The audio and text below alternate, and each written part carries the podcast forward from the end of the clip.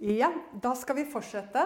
Og vi er jo på en måte i samme univers. Og det er jo dette med Jeg satte liksom en arbeidstittel for meg selv. 'Oppreist i lydighet'. Noe sånt noe. Som en arbeidstittel. Men jeg vil gå til jeg vil, jeg vil rett og slett begynne i uh, apostelen Peters første brev. Og det var vi jo også i går. Bare at da var vi i andre kapittelet, men nå skal vi være i første kapittelet. Bare inngangen, ikke noe annet nå. Inngangen og det han sier der. Peter, Jesu Kristi apostel. Dette er jo det, det første ikke sant? han skriver eh, ut, som, er, som vi vet om, og som er i Bibelen. Og han da setter han jo med en gang og det, det man liksom tenker på at det, det, er veldig viktig hva de sier i begynnelsen. Hva, hva, hvordan introduserer de seg selv, og hva er det på en måte som er fokuset? Og Det som er Peters fokus når han skriver Han fortsetter For det første sier han 'til de utlendinger som er spredt omkring'. Og så nevner han en rekke navn da, hvor det har eh, vært plantet menigheter. Eh, og jeg ser eh, bl.a. tror jeg det er King James, litt usikker, eh, som har en litt rar oversettelse her. For da virker det som om han er opptatt av det at, de er, at han skriver til jøder som er i diasporaen, liksom. At det, at det, er det utlendinger Det er derfor han sier utlendinger, men det er ikke det. Han er helt på linje med hebreerbrevet i det ellevte kapitlet. Og han bruker utlendinger på samme måte som forfatteren av hebreerbrevet, som meget vel kan være Peter. Det er veldig mange som tilregner Paulus det, men jeg, jeg, er usikker. Jeg vil ikke si det sikkert, men det kan meget vel være Peter. Og det kan være en annen, men, men selvfølgelig meget vel Peter. For det er jo nettopp hebreerbrevet som taler kanskje først og fremst til en jødisk forsamling. Og, og, da er det jo på en måte mer trolig at det er Peter enn Paulus. Og da står det nemlig i, i det 13. verset i 11. kapittel Merk deg det.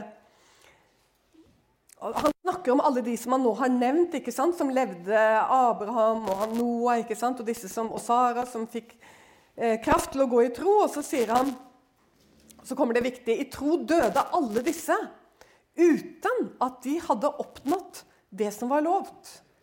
Men de så det langt borte og hilste det, og så kommer det, og bekjente at de var fremmede og utlendinger på jorden. Altså, de, de første kristne, Den første kristne menighet hadde, hadde liksom dette fokuset. At de var utlendinger. De var fremmede på jorden. Det var et voldsomt sterkt eh, himmel. Eh, si, Ikke bare et håp, men altså eh, leve med himmelen, liksom. Som, og det må det jo være hvis du lever under en sånn forfølgelse som den første menigheten gjorde. Det som på en måte eh, er helt klart, er at du må ha en sterk forankring i det som skal komme. Hebreerbrevet skriver om sant, de som gikk foran, og de, de, eh, de så fram sant, mot et større håp. Og Derfor kunne de flakke omkring sant? i står det, geiteskinn. De levde i huler. ikke sant? Verden var dem ikke verdt, står det. Ganske utrolig. Var ikke dem verdt? det det syns jeg bare sånn Oi, oi, oi. Uh, og det er jo en måte å snu perspektivet i forhold til forfølgelse. For da kan man selv føle at man er ikke verdifull. Sant? Du blir avvist, du blir utstøtt. Du, du, får ikke jobb. Jeg tenker på ungdommer i dag. Erlend hadde en artikkel nå nylig i Dagen hvor han tok opp dette med forfølgelse i Norge. For vi glemmer det, at forfølgelsen har begynt i Norge. Hvorfor det? Jo, det er gjort undersøkelser i dag som viser at hvis du, hvis du øh, øh, hvis du ikke nødvendigvis sier det i et jobbintervju, men at i dag ikke sant, er du innkalt til intervju, så må du regne med at du allerede er screenet på Internett. ikke sant?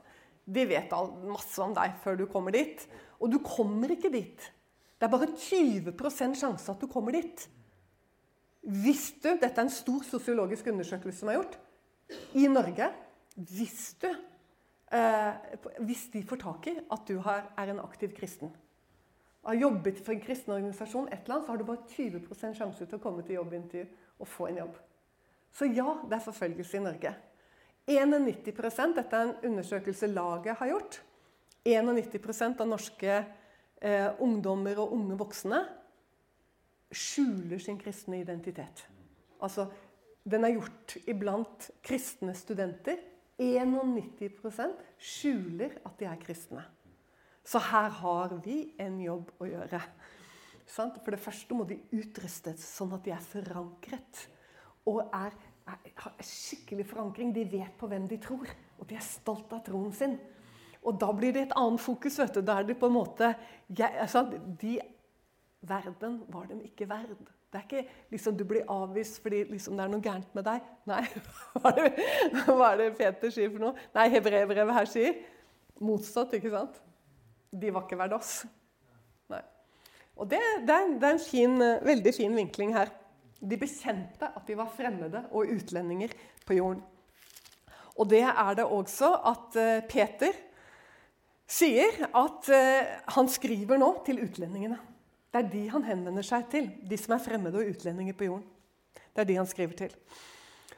Og Da er det jo litt fint, da, vi som er samlet fra forskjellige steder i Bamble kommune. Det blir jo litt på samme måte. Dere som kommer fra der og der og der i Bamble. ikke sant? Og så sier han eh, videre, og det er noe som ligger på han. Han sier nemlig at Gud har utvalgt, utvalgt oss i sin forutviten og i åndens helliggjørelse. Til hva da? Til lydighet. Det er liksom Det er sånn Peter presenterer seg. Til alle oss som er fremmede og utlendinger på jorden.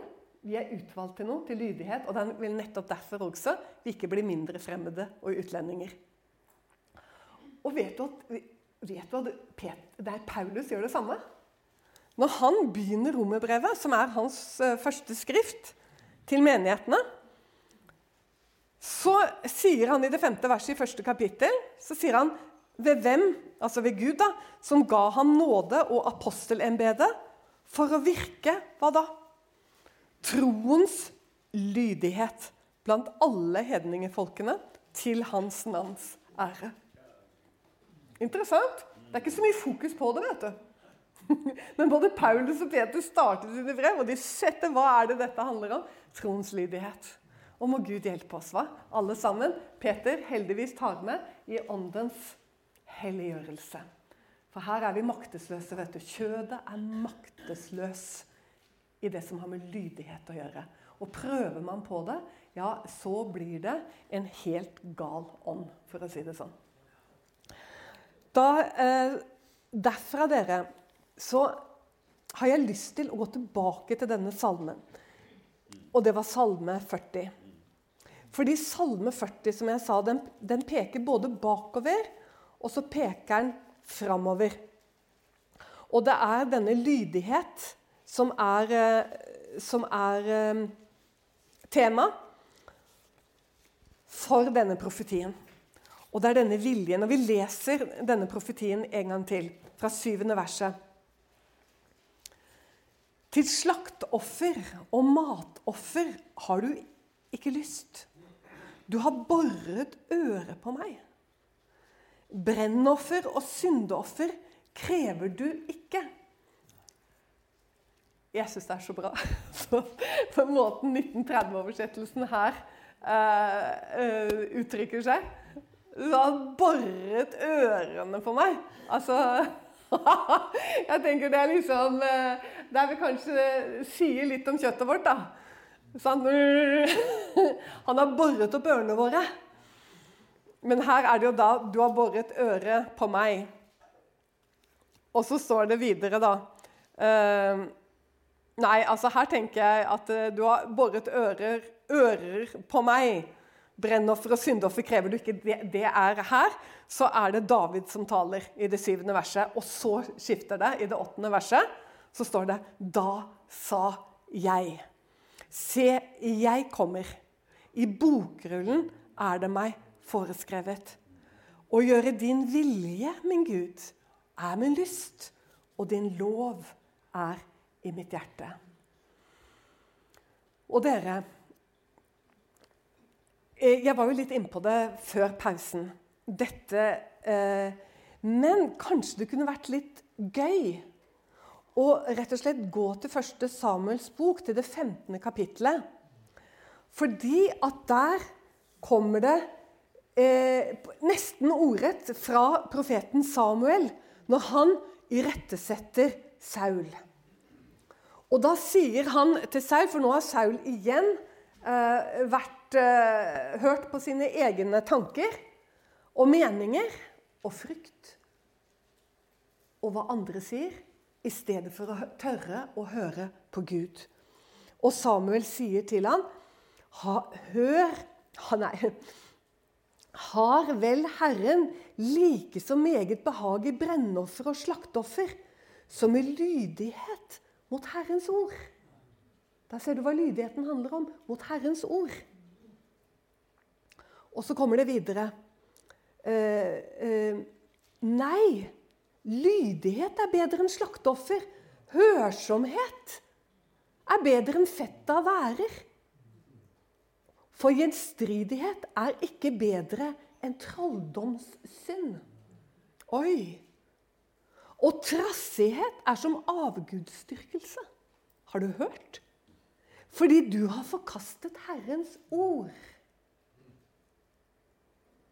Derfor har han forkastet deg, så du ikke skal være konge.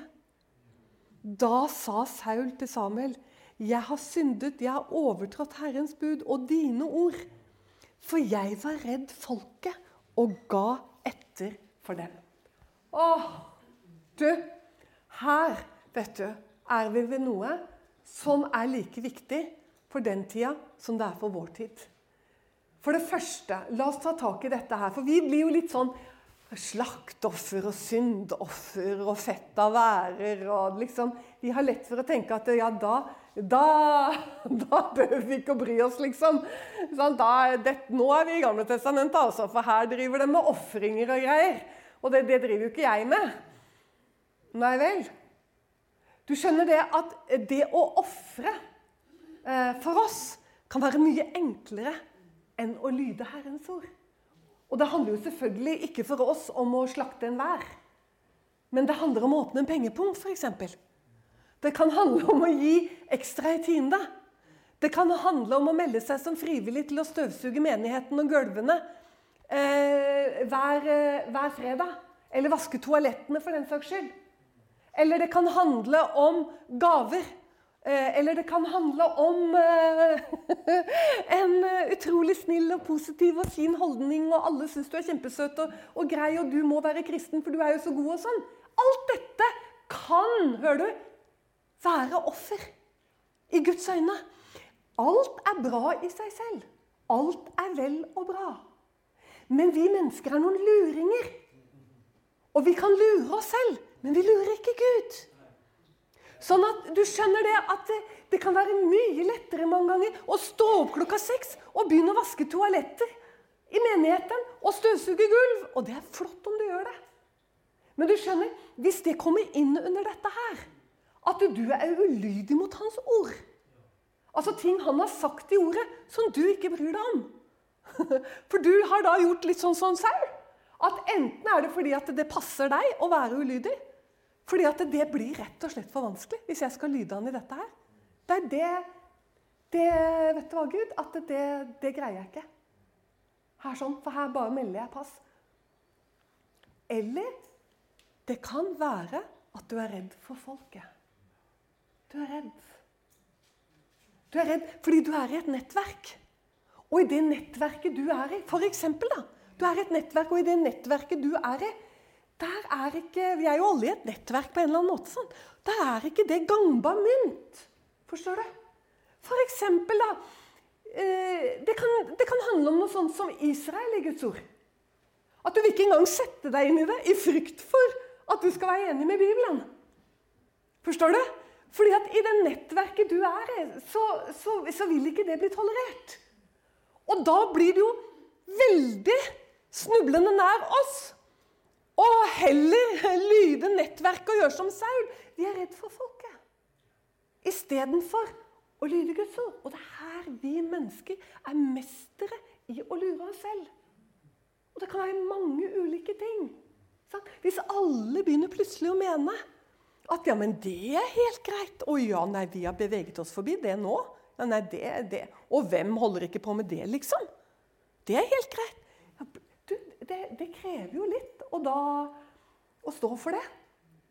Og Nå skal jeg fortelle deg en litt sånn morsom historie. og det betyr ikke, sant? For da, dere skjønner, for jeg står ikke med hatt her da. Nå skal jeg fortelle deg en veldig søt historie. for det, Hun eh, hørte til Skien, og faktisk til eh, tabernakelet i Skien.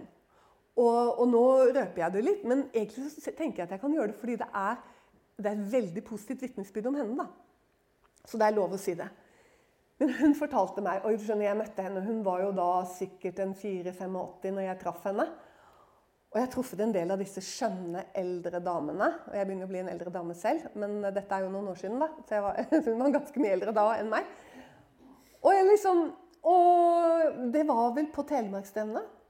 Og da satt hun utenfor teltet, og jeg la merke til henne med en gang. Og vi ble sånn skikkelig match. Og var gode venner. Hun er nummer to av disse her damene og var gode venner helt til hun reiste hjem til Herren. Men så var det en gang hun fortalte meg at Eva, nå skal jeg fortelle deg noe som skjedde i tabernakelet. Og virkelig en kamp jeg var inne i. Og hun, her var, hun var veldig, altså. Så sier hun Og jeg var, jeg var så spent på hva det var. Så sier hun Jo, du skjønner det. Det er jo mange år siden nå, men det sto veldig på en tid. For alle damene la av seg hattene. Ja vel, sa jeg. Ja, det gjorde det. Og sjalene og hattene og alt dette forsvant. Og du vet, jeg satt Jeg følte jeg satt alene igjen med hatt. Ja vel, sa jeg. Ja. Og jeg ville jo ikke være religiøs. Jeg ville jo ikke sitte der og være vanskelig. Og jeg ba inderlig til Gud. Gud, vis meg. Vis meg, Gud, hva skal jeg gjøre? Og vet du hva han sa? Og jeg var så spent. Nei, sa jeg. Han sa 'hold på hatten', sa han.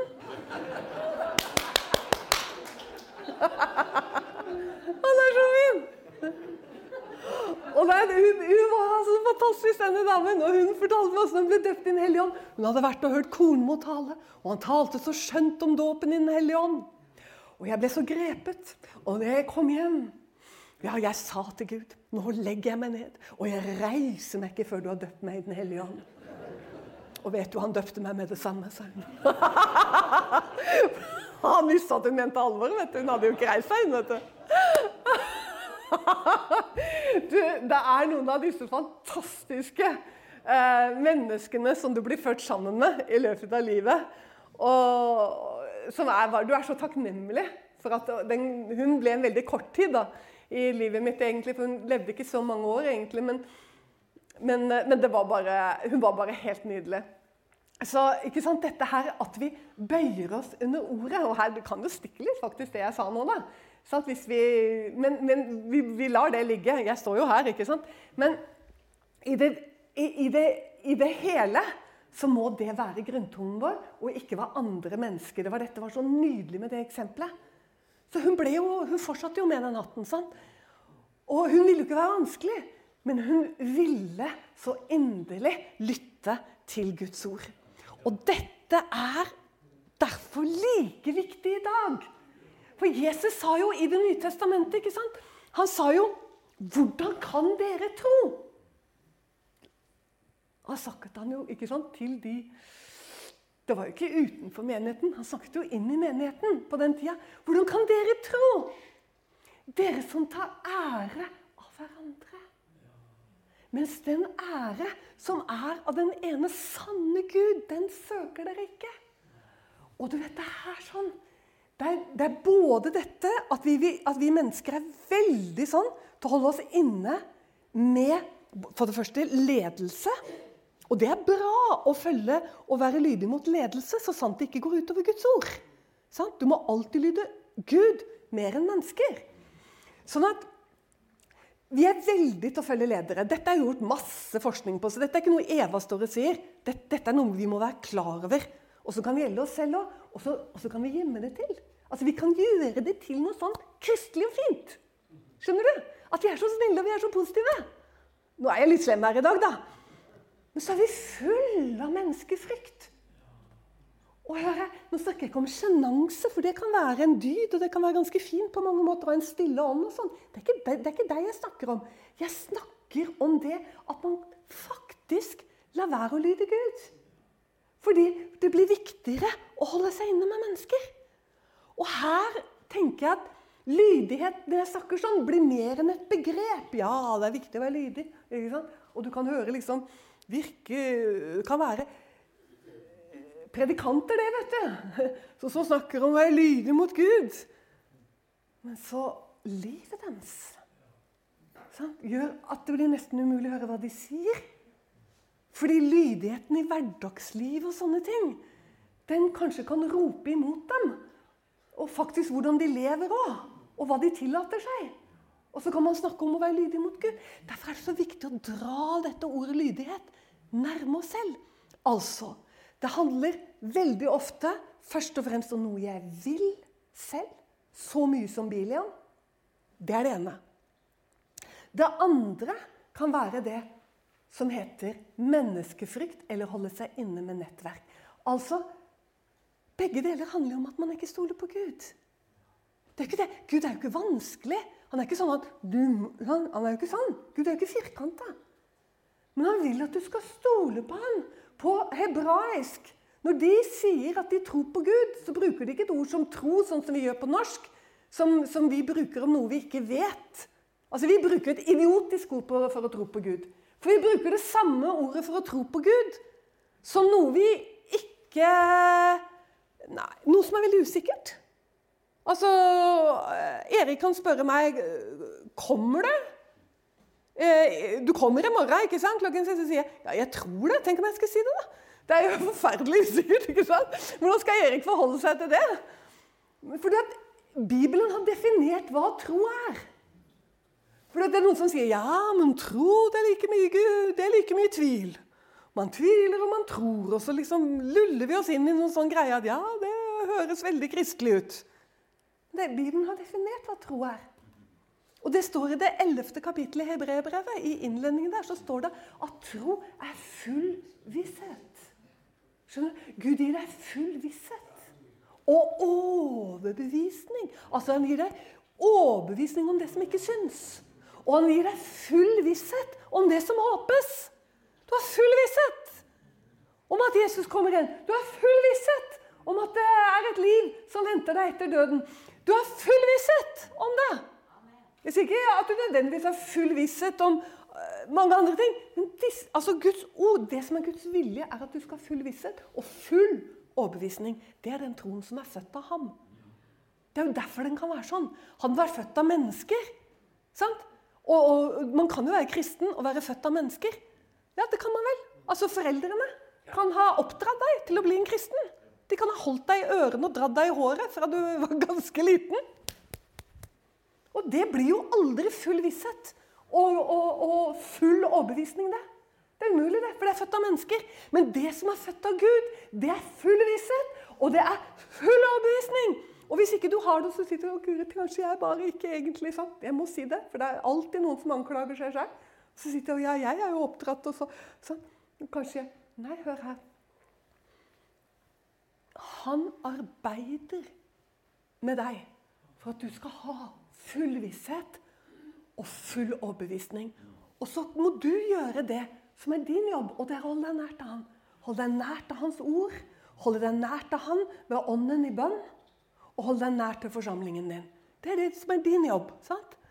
Og da vil du få denne fulle visshet og overbevisning eh, i eh, Han. Og det er det som er troen. Og du vet at Det må vi ha som et grunnlag, for det er veldig vanskelig å snakke om å være lydig hvis ikke du hviler i troen, at, han, at du kan stole på ham. Det må komme først. Lydighet kan ikke komme først. Det må først komme denne tro som er født av ham, som stoler på ham. Stoler på ham. Han er, han er, han er faren min. Jeg stoler på han. Han er min himmelske far. Jeg kan ha full tillit til han. Det er viktig det ligger i bånn. Men for Saul vet du, Jeg kan ikke dømme om hva som var situasjonen for Saul. Men det Han var en troende mann. Altså, han, han var jo det. Og han var til og med litt religiøs. fordi at når han da sier at ja, men 'jeg har jo tatt vare på det beste' Og det var jo for å bruke det nå sier jeg det litt sånn, for å bruke det i menigheten. Gud, dette var, jo, dette var jo skikkelig åndelig. Og Det var nesten noen som sa at Gud jeg er mer åndelig enn deg. For dette gjorde jeg jo bare fordi det ville jo bli bra for menigheten. skjønner du? Man kan tenke at dette blir jo en ressurs. Dette blir jo bra. Det er mye sånn vi kan tenke. Sånn? Det, det, er jo veldig bra det, at jeg innsatte en person som jeg er veldig usikker på hvor han står åndelig. Jeg er nesten usikker på om han er født på ny. Men, men han har sånn en myndighet og han har sånne kontakter. Han har sånn en enorm kontaktflate. Og, og han er så flink til å snakke. Og jeg, jeg, jeg, må, jeg må, høre om han vil bli eh, liksom leder for lederrådet i menigheten vår. Forstår du? Altså, Det kan virke så bra. Men er det Gud? Er det Guds ord? Det er det vi må spørre om. Og det er dette Saul gjør. For han sier det. Ja, men det er jo, dette er jo smart, Gud. For jeg skal jo bruke det i menigheten. Jeg skal jo ofre dette. Dette blir jo ofret til, til, deg, Gud. Det er jo til deg. Det er jo for deg jeg har gjort det. Og da kommer denne talen, altså. Men nå, nå er vi jo i Gammeltestamentet. Han blir jo slått hånda. Sant? Men husk at alt som står i GT, er skrevet til formaning og hjelp og trøst og oppbyggelse for oss. Til lærdom for oss. Til lærdom. Saul står der til lærdom for oss. At vi ikke gjør som Saul. Skjønner du? Altså, Gud kommer ikke til å si at 'nå er det nok'. Ut med deg! Han gjør ikke sånn, for vi lever i den nye pakt. Forstår du? Så han gjør ikke det. det. Sånn gjorde han i Det gamle testamentet, men det står der til formaning. Og hør nå, og i ytterste konsekvens så kan du gå fortapt. Det kan ikke jeg stå her og si at du ikke gjør. Så hvis du fortsetter din egen vei i ulydighet mot ordet. Men, men, han gjør ikke sånn som han gjorde med Saul. Der og da. Nå er det nok Saul. Han mistet eh, kongeembetet, og det ble gitt til en annen. Forstår du? Sånn at dette med offer og gave, Når vi leser offer og gave, også i Salme 40, når David kom med denne profetien sant? Offer og gave har du ikke lyst til. Jo! Vi kan ikke forstå det sånn. At, uh, at plutselig så har offer og gave i Det gamle testamentet blitt noe Gud ikke bryr seg om. Vi vet jo det er jo han som er innsatt det. Så det er jo ikke det. Det er klart at offer og gave bryr han seg om. Men her må vi forstå det rett. Og det er nemlig at vi mennesker lurer oss selv, og så driver vi med ting. sant? Eh, vi vet at vi er ulydige med Guds ord, og så begynner vi i stedet liksom med eh, håper å si øyentjenester. Sant? Det er litt sånn, det er merkelig ord, egentlig, men det er ganske bra. Øyentjenester, det er sånn andre legger merke til òg. Vi gjør sånne ting, da. For vi er, da er vi så snille, og vi er jo så gode, og vi er jo så kristne. Sant? Alle ser jo at jeg er kristen. Nå er jeg veldig slem. Men altså, dette kan, være, dette kan bli litt kristelig. Men vi skal først og fremst være gode, og vi skal være eh, lydige mot ordet. Det er det han vil at vi skal være. Og så, dere, et annet sted i Bibelen. Nå også i Gammeltestamentet. Og jeg var inne, inne på mannen før rømmegrøten. Orker dere mer, eller er dere slitne nå? Like før dere må ha liksom sånn liten søvn? Liten Går det bra? Ja, takk. Jeg måtte bare få litt sånn der, uh, følelse at jeg ikke står og prater over hodene på folk. Liksom. Biliam. Altså, det, I Det nye testamentet så står det at der hvor hjertet ditt er Det er Jesus som sier det. Der, nettopp, der hvor skatten din er, der vil hjertet ditt være. Og dette handler om, bare at med andre ord, alt det jeg sa nå.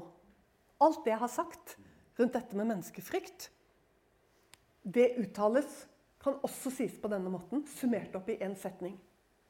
Der hvor hjertet ditt er Nei, unnskyld, en gang til. Der hvor skatten din er, der vil også hjertet ditt være. Vær obs og vær klar over det. Det som er viktig for deg. Og hvis du er veldig viktig for deg så, så, Det er så mye med oss mennesker men takk og pris for Åndens helliggjørelse som eh, hjelper oss. Men la oss dvele litt ved Biliam. Hva er det med han? Han er ikke representanten for menneskefrykt. Det tok vi med Saul. Saul var redd for menneskene. Så Derfor så mikka han det til. Fordi de ville bli sinte. Hvis ikke de fikk lov å grafse til seg, sant? så lot Saul dem gjøre det. Han var redd for mennesker om og om igjen. Nettverket sitt. Men Biliam er ikke det. Biliam kan godt hende han er det òg, men det er ikke det som tas fram. Biliam han har lysten jo, han har lysten til å holde seg inne med de store. Det har han, for det er veldig avslørende. Du må alltid lese nøye når du leser sånne historier. For det, det kommer, disse hemmelighetene kommer i, i uh, detaljene. Så kommer disse hemmelighetene. Fordi du vet, han avviser den første gangen disse herrene som ble utsendt fra Moab. Fordi de visste at den som Biliam forbannet, den var forbannet. Og den som var han velsignet, den var velsignet. Og så kommer de første gangen til Biliam. Og Biliam er helt uh, uh, Han gjør helt rett. Han kjenner Herren. Og han sier at han skal be til Javé, så han ber til Israels Gud. Ikke et øyeblikk tro at denne mannen er profet av en annen religion. Han skal be til Israels Gud. Og han skal spørre. Og han sier, 'Nei, jeg kan ikke bli med dere.' Fordi at jeg kan ikke forbanne dem. Men egentlig så er han allerede i fare. Fordi han, fordi han faktisk sier at de skal komme inn og ligge over. Hør hva Gud sier til Biliam. For Biliam får ikke tid til å spørre engang før Gud kommer til ham inn på soverommet hans. Hva er det han sier for noe? Hva er det for et folk du har i huset ditt, Biliam? Sånn at han forventet av Biliam at Biliam avviste dem på dørterskelen. Fordi de ber om at han skal komme og forbanne et folk som er velsignet. Og selvfølgelig visste Biliam at de var velsignet. Han er en Herrens profet. Og, de, og ryktet om dem hadde allerede spredd seg til amoritter og midianitter og, eh, og eh, ammonitter. Og alle sammen hadde jo hørt om dette folket. Sånn at, og vi vet jo at Moab også Eh, de hadde jo hørt om hva, hva, dette folket hadde gjort med amorittene. Så han hadde jo hørt om dem, han visste det. Og så ber han dem om å komme inn og bli der i natt, så skal jeg høre. Se hvordan vi mennesker kan være. Altså, ja, men Eva, dette er, jo, dette er jo Nei, dette er ikke Gamle testamentet. Det er folk som kan ta kontakt med oss. Og som vil at vi skal be over noe som er åpenbart i strid med Guds ord. Og da kan jeg si det at eh, du, akkurat, denne, akkurat dette her sånn, trenger jeg egentlig ikke å be noe særlig over. For når det er åpenbart i strid med Guds ord, så trenger ikke du å be over det heller. Men du kan be om styrke og nåde og ydmykhet til å bøye deg under Hans ord. Det kan du gjøre. Og så kan du be om hjelp til løsninger og veier. Og så kan du søke forbønn og hjelp hos andre. Det kan du gjøre. Så, så det, så det her avslører han seg allerede på terskelen. At han er ute og sjangler. Og det blir jo åpenbart, fordi han drar tilbake, og Moab, og kongen i Moab finner seg ikke i dette svaret her. Så han, hva, hva er det han gjør for noe? Jo, Han sender enda høyere lønn sikkert med han, profetlønn, men så gjør han noe som er lurt. Han sendte mennesker som var enda mer betydningsfulle, til William. Og du vet at det, er akkurat det å holde seg inne med de som betyr noe. Sant? Og liksom kunne si Vi mennesker vi liker å si Man nevner en liten bisetning. så liksom, så bare, la oss sammen nå avsløre kjøttet og se litt. litt. Hvordan vi elsker å avsløre et lite sånn, Eller, Man kan være så kristelig man vil, men så plutselig så kommer du Ja, min familie Ja, jeg, vi er jo i familie med, med velhaven, vi. Altså, Plutselig så kommer det sånne, da. Vi, vi liker Altså, dette, dette er kjødelige ting. Vi liker å holde oss inne med de som har navn av å være noe, noe som betyr noe. Og de er så smarte, moabittene, for de betyr noe. De er viktige. Det er stort og viktig folk, moabittene. Det er viktig å holde seg inne med dem òg. Så kommer de til meg, liksom. Hæ? Oi, for en ære! Og du vet, da er det gjort. Han ber dem igjen om å komme inn, og, og Gud Og det, og det her Alt er skrevet i Det gamle testamentet til, da, til opplæring for oss, til lærdom. Hva er det som skjer? Gud lar ham fordra. Han lar ham fordra. Han prøver hjertet hans. vet du. Han lar ham fordra. Så sier han, men du får ikke tale noe annet enn det som jeg legger i munnen din. Og da kommer den merkelige vendingen i, i, i denne historien. For plutselig, mens han sitter der på eselet sitt, så begynner jo eselet å oppføre seg helt merkelig.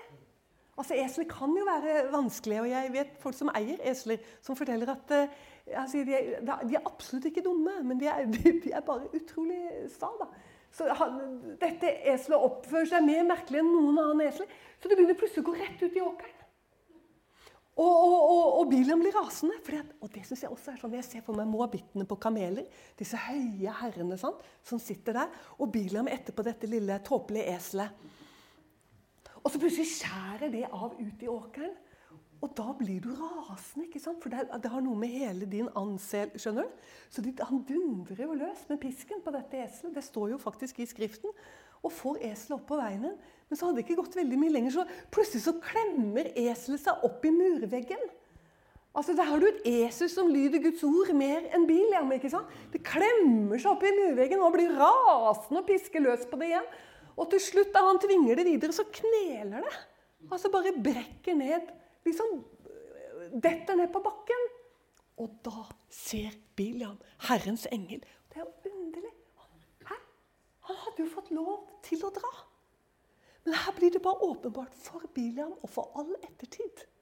For det første hva som handler om Israel, og forbanne det folket der. Men å gå imot ordet hans. Altså, Jeg skjønner ikke Hvor har vi fått denne frimodigheten i vår tid til å gå imot ordet på det ene etter det andre? Og det rare er at Hvis ikke vi skjønner at hvis vi sklir i det ene spørsmålet, så kommer vi til å skli i andre spørsmålet, så kommer vi til å skli i tredje spørsmålet, så kommer vi til å skli i fjerde spørsmålet. Det er sånn det er. Fordi Gud han overlater oss til vår egen dårlighet. Slik står det i eh, Skriftene. Slik står det hos Paulus. Og merk deg romerne igjen. Han sier f.eks. hvorfor eh, dette med at menn begynner å brenne av lyst etter menn i stor målestokk. ikke sant? Og da taler han om den siste tid. fordi Bibelen har satt Sodoma. Sodoma og lovløsheten de er bildet, sier Peter, på de ugudelige i framtiden. Han sier faktisk hvorfor dette skjer. Han sier fordi de har, par de har parkert Gud. Les Romerne 1. Fordi, parker, fordi vi parkerer Gud og lyver om det som er åpenbart for alle, sier Paulus. Alle kan jo skjønne at Gud fins. Det syns jeg er helt herlig, for det kan alle skjønne. Så, altså, og da snakker han jo særlig om uh, naturen og åpenbaringen i Ikke sant? Uh, ja, Jeg kan ikke gå inn i alt det, men det er fantastisk. Hvis du vil ha mer om det, så taler jeg ganske mye om det på nettet. Men sant? Og, det, og det, det, Paulus viser, da, er at denne, dette leder til nye lovbrudd. Det ene lovbrudd leder til det andre. Og Gamletestamentet og hele Skriften er til formaning og lærdom og oppmuntring og tro, ja. Men det er til lærdom for oss. Hvordan kan vi da ha kommet der at vi blir så frimodige? Både som enkeltmennesker og som menighet og som kirkesamfunn. Da tenker jeg at nei, det tror fordi Gud er så raus. Og hvem kan si at Gud ikke er raus? Hva skal du bruke som argument, da? Nei, han er en hellig Gud. Kan, altså, han har vært så raus mot meg, og han er så raus. Han er like raus som han var mot David, men forskjellen på David og Saul var at han hadde det som Bibelen kaller for Guds frykt, som er begynnelsen til visdom. Han falt ned for Gud, han. Han dumma seg ut og gjorde dumme ting. Og den ene synderen er ikke verre enn den andre. Hører du hva jeg sier? Ikke begynn å peke på homofile eller noe sånt nå. Når du godtar andre ting som, i, som, skjønner du, som er åpenbart i strid med Guds ord, som du lever i. Men Davids hans innstilling var han bare falt på sitt ansikt for Gud. Og så fikk han nåde og oppreisning. Hører du, det er oppreisning. Men vi må gi Gud rett over livet vårt. For det, jeg lover deg, det er ingenting som blir morsomt hvis du har tenkt oss å vandre i opprørte Guds ord. Da blir ingenting morsomt. Ja, det, blir det. det, blir litt sånn som Biliam hadde. Altså, Du blir klemt opp langs muren, eller du ender ute på åkeren. Skjønner du? Eller hele det du holder på med, ditt prosjekt, det bare kneler på veien. Det blir ikke noe moro. Ikke så lenge, Hør nå. Det blir ikke noe moro så lenge du vil være et Guds barn og bekjenner deg som Guds barn. Det er mange av de lovløse i verden, altså de som ikke bryr seg om troen. Men vi skal ikke peke finger. Fordi jeg har vært en sånn. Sant? Og jeg trengte mine år og mine vandringer og krasj før Gud fikk hentet meg inn. Vi aner ikke når et menneske er moden. Sant? Men nå, nå, snakker jeg allikevel om det Bibelen kaller for sant? Eh, ugudelige og de som er opprørere, som ikke regner med Gud. da. De kan få det moro i verden, de. Det står jo masse i Bibelen om det. Er det ikke Asav da, som gråter? Han holdt på å miste tronen. For han så hvor bra det gikk med de som ikke brydde seg om Gud. Mens vi som bryr oss om deg, skal vi ha så mye plager og så mye vanskeligheter. sånn? Vi som søker deg, Gud, søker din rettferdighet. Så, så, det er ikke på det nivået. Men hør hva jeg sier. Hvis du bekjenner deg som et Guds barn, og du vil leve i opprør til Gud, da sier jeg til deg at da kan du regne med et liv som Bilian på eselet. Du får du skikkelig problemer. Og det er jo nåde. sant? Nåde! Og, og Bilian fikk jo nåde. Han fikk fortsatt lov til å fortsette, og han talte bare det Guden la ned i ham. Men dessverre, det kunne gått bra at han reiste tilbake der han kom fra. Men han gjorde ikke det. Vi vet ut ifra Skriftene at han fant nye, nye måter å være ulydig, og han fikk Israel til å falle. Han lærte midjanittene og moabittene hvordan de kunne få Israel til å falle. Og Israel falt, noe så voldsomt som mange titusener gikk med. Og du, vet du hva? Han, øh, han ble drept ikke lenge etterpå. Men, men, jeg bare sier det gikk ikke bra med Bilian, for han omvendte seg. Han omvendte seg aldri. Hjertet hans ble aldri renset. Hva er det Jakob sier i sitt brev? Rens hjertene, dere er tvesinnede. Og det er jo det vi er, vi mennesker. Vi er tvesinnede. Men så sier Jakob, rens hjertene, dere tvesinnede. Hva er det vi er tvesinnet på? Vi er tvesinnet på Guds ord. For vi, ofte så vil vi noe annet enn det ordet vil. Og, det, og, og Sånn er det jo å være menneske. og det, Du vet at du kan ikke komme unna det. Du kan ikke komme unna det. Men så er det jo åndens helliggjørelse, da. Vi har en hjelper, vi har en trøster. Vi har en som er med oss gjennom hele livet vårt. Og vi kan få lov å gå til han, og vi kan be om nåde, vi kan, be, vi kan komme og omvende oss, og vi kan også få kraft til å leve et oppreist liv i lydighet. Og det betyr ikke at jeg lever et oppreist liv i lydighet. Så kan jeg liksom rose meg av det. Nei. Nei. Vi kommer til å snuble, og vi kommer til å falle. For kjøttet vårt det er ikke noe enkle greier. Og det er litt ulagt, ulikt disponert hos forskjellige mennesker. Men i det store og hele kjøttet er ingen enkel sak. Men så lever vi under nåden. Og så har, jo, så har jo Paulus sagt hvorfor nåden først og fremst er gitt oss. Ja, vi ble frelst og alt det. Men han sier til Titus I det brevet så står det at nåden er gitt oss. Til hva da? Til å fornekte, står det. hva? Ugudelighet. Skal vi lese det? Titus. Jeg finner det sikkert. Jeg har ikke satt noe merke der, men, eh, men det er Men, eh, men, eh, men, men, men, men. Jeg finner det jo sikkert fort. Titus, kapittel 2, sier suffløsen. Kapittel 2 Hvilket vers er det? Finner vi det? Jo, 11. For Guds nåde er åpenbart 11 og 12.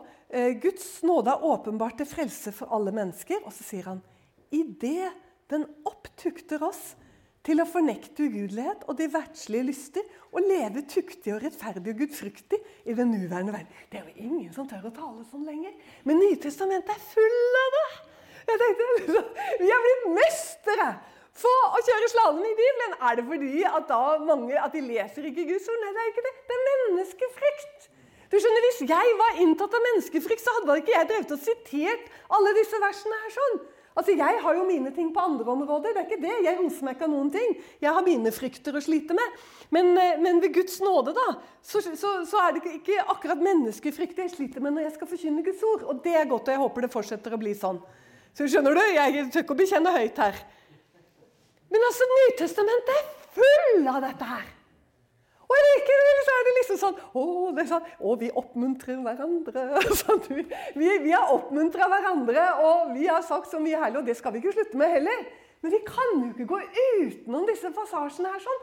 Da, da, da, blir jo, da ender vi jo på åkeren, da. Eller vi blir klemt opp i en eller annen vegg eller et eller annet sånt noe. Så fordi at det er jo liksom Bibelen. Du, vi må jo åpne Bibelen. Bibelen, Guds ord, er Han, vår frelser. Det står jo det når han kommer igjen. Hvordan er, det skal, hvordan er det verden vil se han? Du vil se han med et sverd som går ut av munnen hans. Johannes' åpenbaring 19 så står det det. Hvem er han som sitter på den hvite hesten, og som har et sverd ut av munnen? Det er da merkelig sted å ha et sverd. Hør, Jesus sa jeg er ikke kommet for å dømme, men for å frelse. Ja, Det har vi hørt alle sammen, sant?